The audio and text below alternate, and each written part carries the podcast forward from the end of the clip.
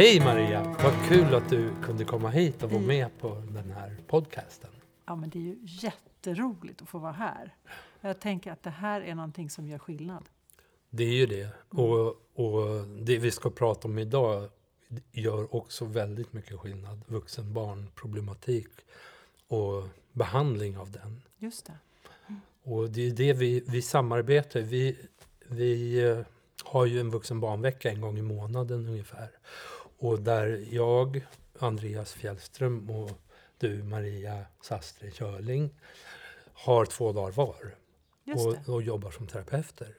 Och det är det vi ska prata om lite idag. Mm. Om den problematiken och vad det är. Och vad, vad det liksom, hur det är att växa upp i en dysfunktionell familj. Och vilka överanpassningar man kan tvingas göra och hur det sen påverkar en i vuxen ålder. Mm. Och att det faktiskt går att ta sig ur sånt. Liksom. Ja.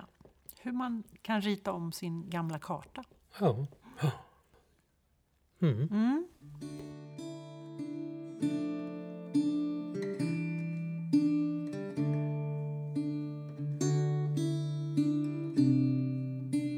Du Andreas, du pratar ju om överanpassningar.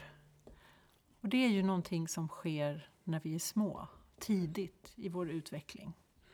Eh, och med tiden så blir det här, det blir konsekvenser av de här överanpassningarna i vårt vuxna liv. Och därav kommer det här uttrycket vuxna barn. Exakt. Eh, Så de här överanpassningarna de kan ju se ut på lite olika sätt eh, och utveckla då någon slags eh, ska man säga, strukturer för hur vi beter oss, hur vi tänker och känner när vi blir vuxna. Mm.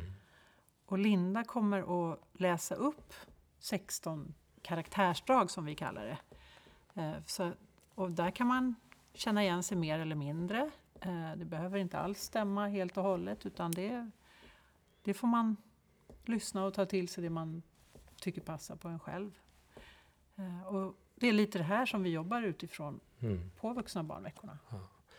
Jag kan också tillägga att de här karaktärsdragen kommer ur liksom vuxna barns stora bok. Det kommer ju från tolvstegsprogrammet. Och där finns det ju liksom övningsböcker och sånt där. Och det är ur den vi har hämtat de här Mm. karaktärsdragen. Mm. Så vi brukar alltid läsa upp de här på, som introduktion på vuxna barnveckan. Ja. Och de flesta känner igen sig i typ alla punkter. Ja, ja, jag känner också igen mig. Ja, Ja. jag med. Mm. Vi har låg självaktning, vilket gör att vi dömer oss själva och andra utan förbarmande. Vi döljer eller kompenserar detta genom att försöka vara perfekta, genom att ta ansvar för andra, försöka kontrollera utgången av oförutsägbara händelser och bli arga när saker inte blir som vi tänkt oss, eller genom att skvallra istället för att ta itu med problemet.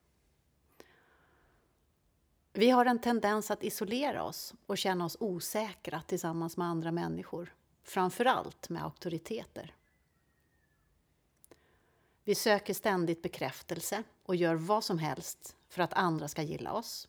Vi är extremt lojala, till och med när vi ser bevis på att denna lojalitet är opåkallad. Vi blir skrämda av ilskna människor och av personlig kritik. Detta får oss att bli oroliga och överkänsliga. Vi väljer ständigt att ingå relationer med människor som är känslomässigt onåbara och vars personlighet är präglad av beroende. Vanligtvis dras vi inte i lika hög grad till välmående, omtänksamma människor. Vi lever vårt liv som offer och dras till andra offer i kärleks och vänskapsrelationer. Vi förväxlar kärlek med medlidande och är benägna att älska människor som vi kan tycka synd om och rädda. Vi är antingen överdrivet ansvarsfulla eller totalt oansvariga. Antingen försöker vi lösa andras problem eller så väntar vi oss att andra ska ta ansvar för oss. Detta gör det möjligt för oss att undvika att titta närmare på vårt eget beteende. Vi känner skuld när vi säger ifrån eller agerar kraftfullt. Vi ger efter för andra istället för att måna om oss själva. Vi förnekar, minimerar eller förtränger känslorna från vår traumatiska barndom. Vi har svårt att uttrycka våra känslor och är omedvetna om hur detta påverkar våra liv. Vi är osjälvständiga personer som är livrädda för att bli avvisade eller övergivna. Vi har en benägenhet att bli kvar på arbetsplatser eller i förhållanden som är skadliga för oss. Våra rädslor kan antingen hindra oss från att avbryta skadliga relationer eller avhålla oss från att gå in i sunda och givande förhållanden. Förnekelse, isolering, kontroll och missriktade skuldkänslor är alla symptom på dysfunktionella familjeförhållanden. På grund av dessa beteenden känner vi oss både hopplösa och hjälplösa. Vi har svårt för närhet i förhållanden. Vi känner oss osäkra och har ingen tilltro till andra.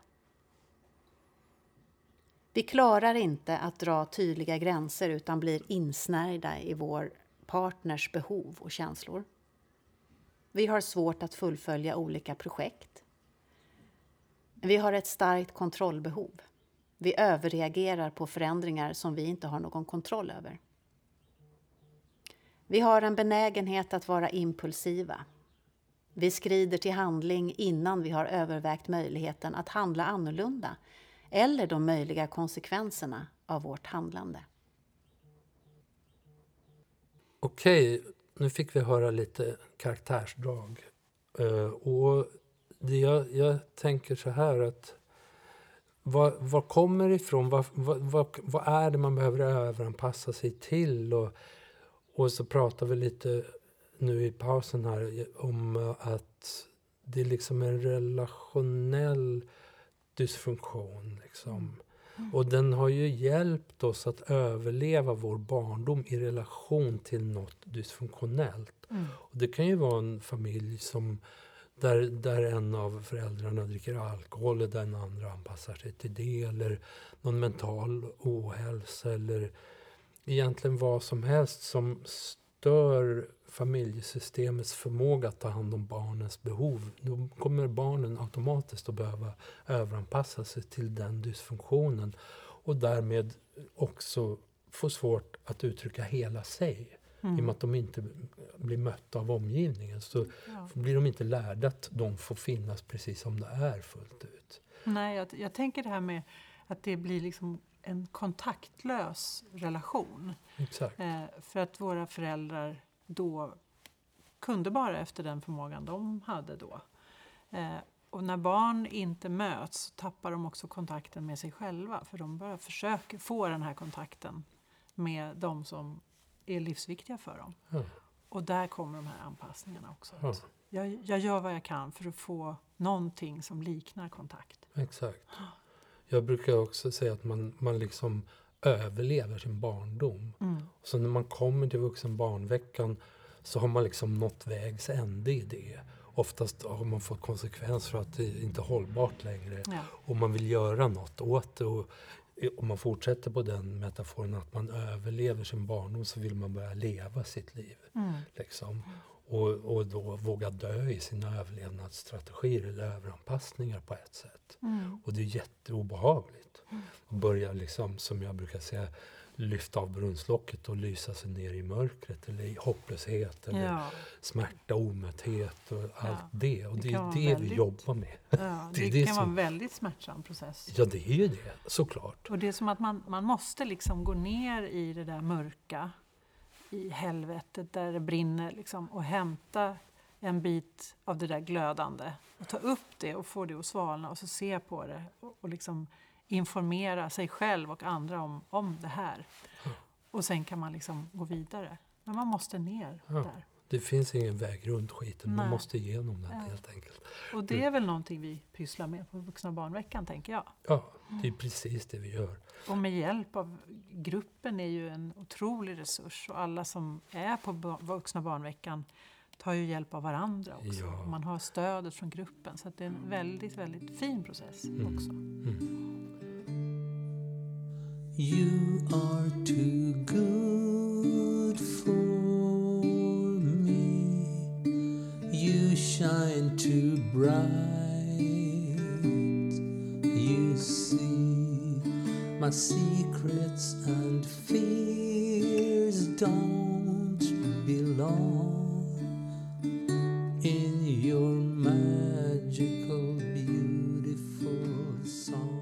För en människa som inte har en aning om vad vuxen barnproblematik är vad, hur kan det se ut, liksom, tycker du Maria? Vad, vad, kan man ha för andra epitet eller andra namn på den problematiken? Liksom? Mm.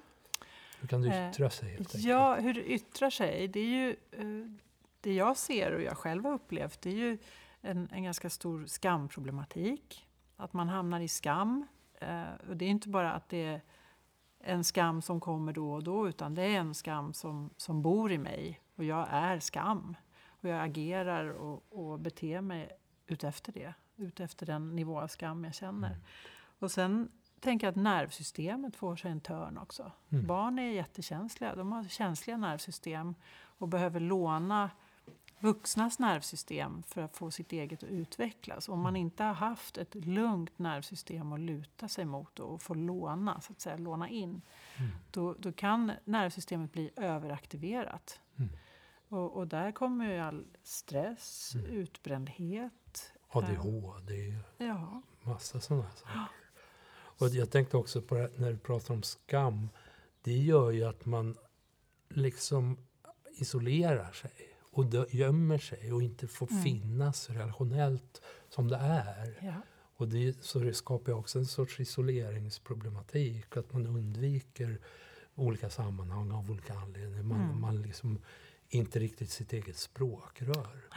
Precis, och man kan också börja liksom agera ut. Man kan börja attackera andra. Och både fysiskt och psykiskt och, och verbalt. Och kan vara på jobbet, någon som pratar väldigt mycket illa om andra. Det kan mm. vara en, en skamproblematik som ligger i botten. Mm.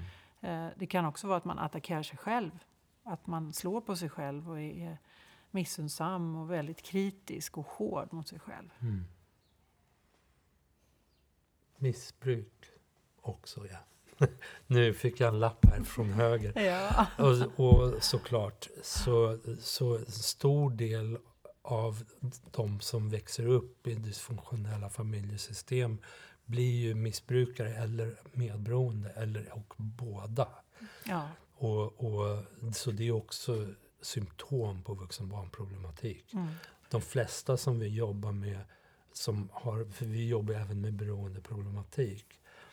Och efter när man har liksom blivit drogfri och fått stabilitet i livet, då först börjar man kunna se att man också är ett vuxet barn. Mm.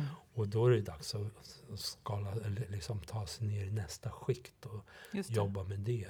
Mm. Men man måste ju bli liksom nykter först. Mm. Jag tänker att, att Eh, att det tar sig uttryck. Det finns liksom inte ett uttryck utan mm. det är unikt för var och en av oss mm. hur vi har hanterat det helt enkelt. Så att eh, hur du hanterar Andreas, det är inte som jag hanterar det. Och, och, som du som lyssnar kanske gör, det stämmer inte med någon annan som du känner. Så att det är väldigt unikt för mm. var och en av mm. oss. Men det är också en överlevnadsstrategi.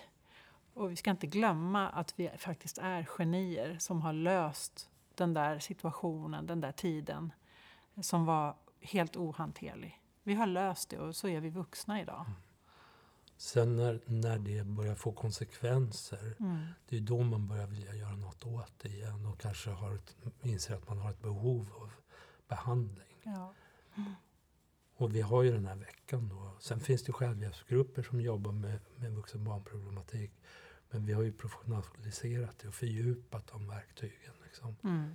Sen har vi också en ny idé som jag skulle vilja prata om. Mm -hmm. Så vi, har vi, har, vi har startat en eh, öppenvårdsbehandling för vuxna barn. Som, där man jobbar tre timmar i veckan i grupp. Och sen har man, ja, vi följer, har olika verktyg och olika uppgifter. Och jobbar även där med integre, integration av gamla outtryckta upplevelser och sånt där. Mm.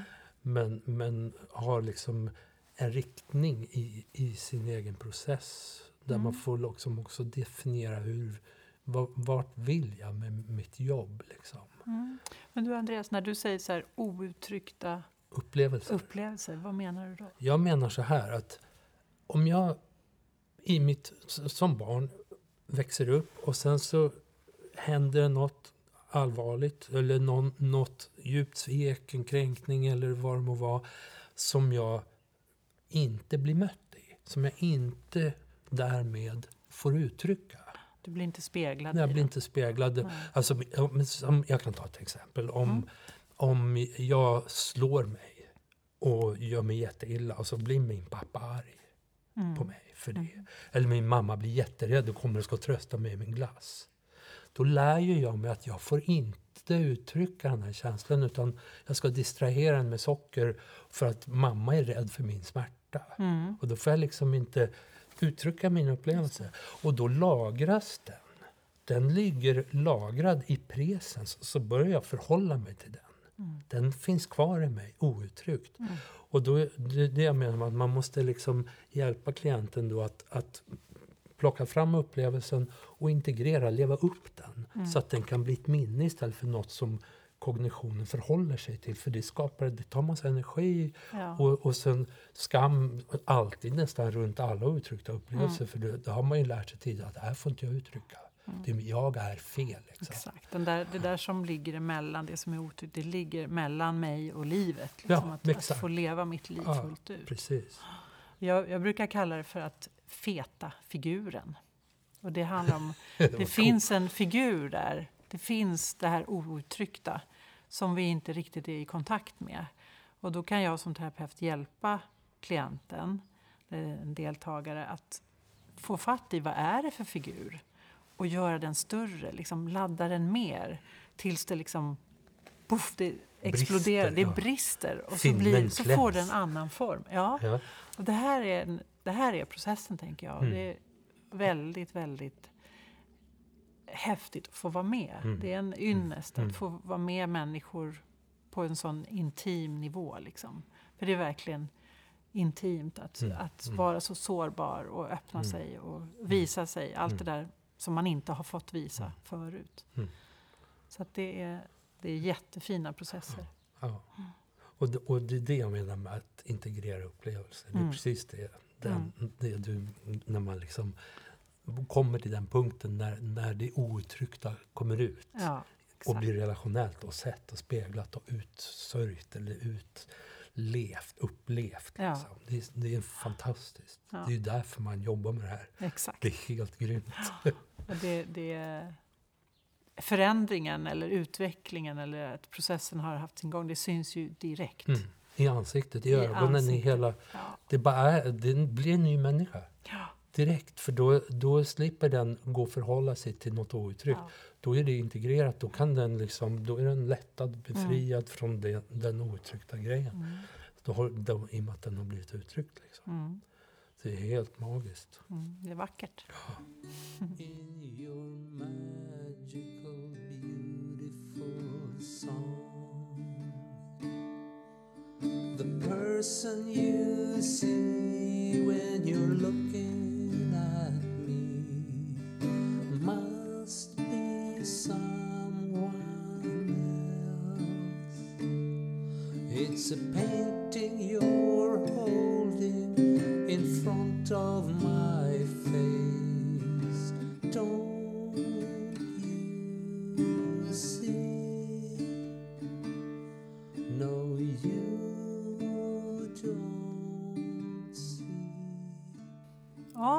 pratat lite i stora drag om vad vi gör på en vuxen barnvecka. Ja. Eh, jag tänkte att vi kanske skulle nämna lite om eh, ACA, vad, vad vuxna barn, eh, hur den... Eh, vad ska vi säga här nu då? Ja, vad är ACA? Ja, vad är ACA? ACA är, står för Adult Children Anonymous. Ja, just det. För, förr i tiden eh, så hette det ACOA, och det var Adult Children of Alcoholics. Men i och med att man tog bort det här Alcoholics så välkomnar man alla som har vuxit upp i en dysfunktionell familj. Just det. Så att eh, det har breddats, det är Mm. fler som är välkomna om man säger Ja. så. Och man kan väl också säga att vad det är för dysfunktion man anpassar sig till är inte liksom det avgörande för likheterna i överanpassningen är så stora så att Mm. om det är alkohol eller någon annan dysfunktion man som barn har anpassat sig efter. Det, det spelar mindre roll vilken typ. Liksom. Mm. Så verktyget funkar. Liksom. Verktygen funkar på all överanpassning kan Exakt. man helt enkelt säga. Så hur länge har de här vuxna barnveckorna funnits då? För det var ju din pappa Ja, det och var, Kristel som ja. började. ja, Torbjörn Fjällström heter ju han, min pappa och Kristel Mm. Ståhle. De, alltså, jag vet inte när hon kom in i bilden men hon kanske var med från början. Det är möjligt. Mm. Och, och veckorna, det var ju början på 90-talet de började ha vuxna barnveckor.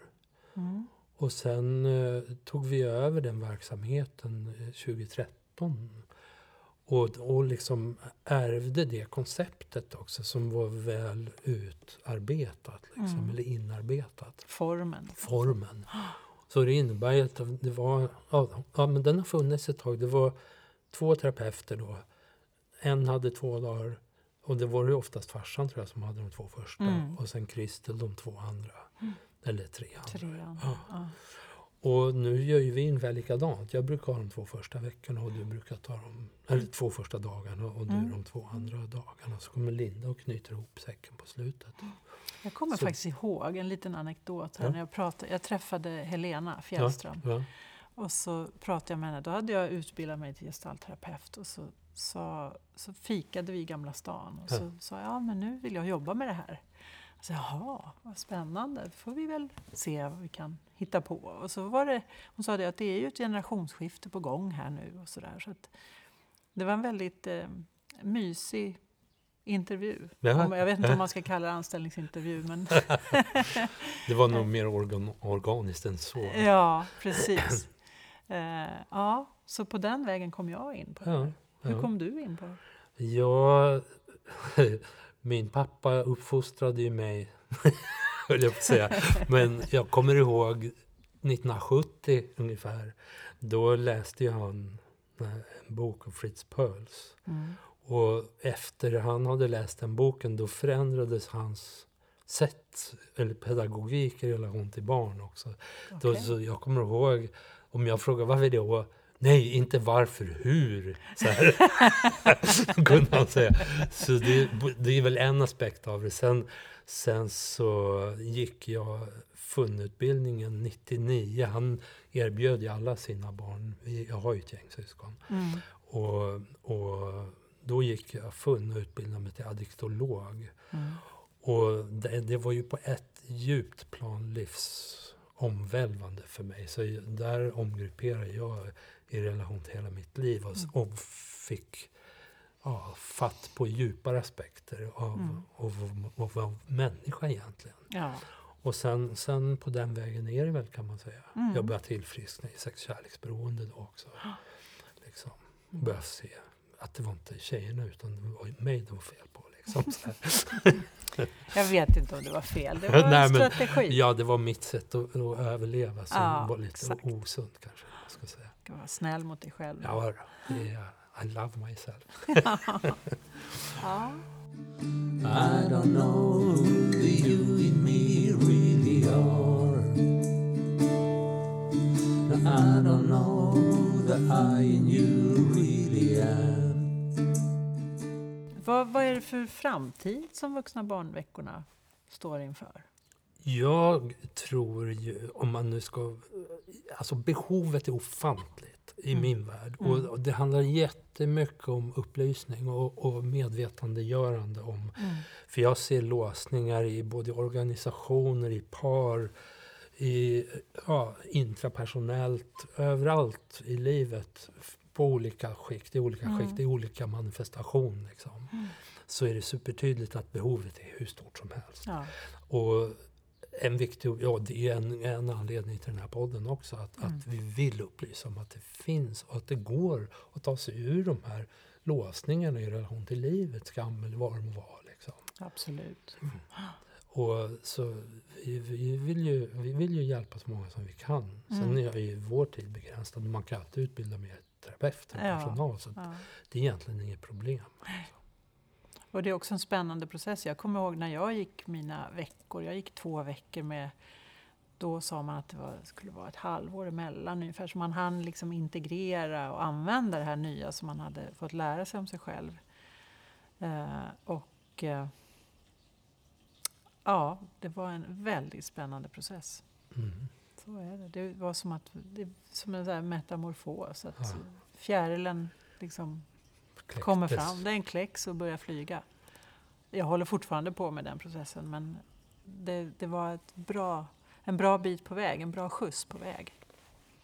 Jag håller helt med att den processen fortgår hela tiden. Jag, Mm. jag brukar alltid säga till grupper och överallt när jag jobbar och även till mig själv att jag behöver få vara liksom en evig rookie, en evig student i relation till livet. Ja. För så fort jag tror på min egen kognition så blir det låsningar.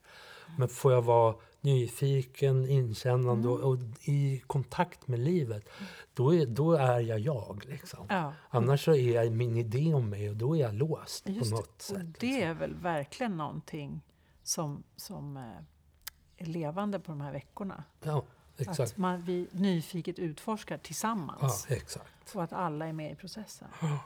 Så att eh, det här utforskandet och nyfikenheten är ju en väldigt central del av hela arbetet. Ja, av, av själva metodiken också Ja. på något sätt. Ja. Och ibland kan den vara lite mer Ibland kan terapeuten vara lite mer utmanande Mm, och ibland lite mer att man följer. mm, mm, Så att det lite olika. mm. Mm.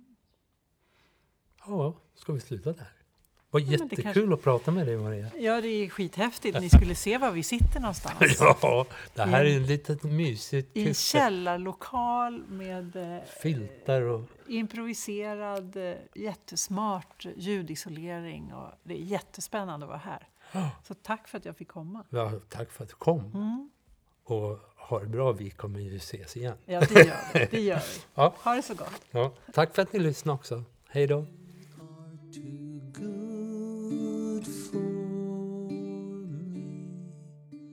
Jo, jag måste bara få avsluta med en jättefin text som jag hittat på Wikipedia. Men eh, ni kanske känner till uttrycket ubuntu.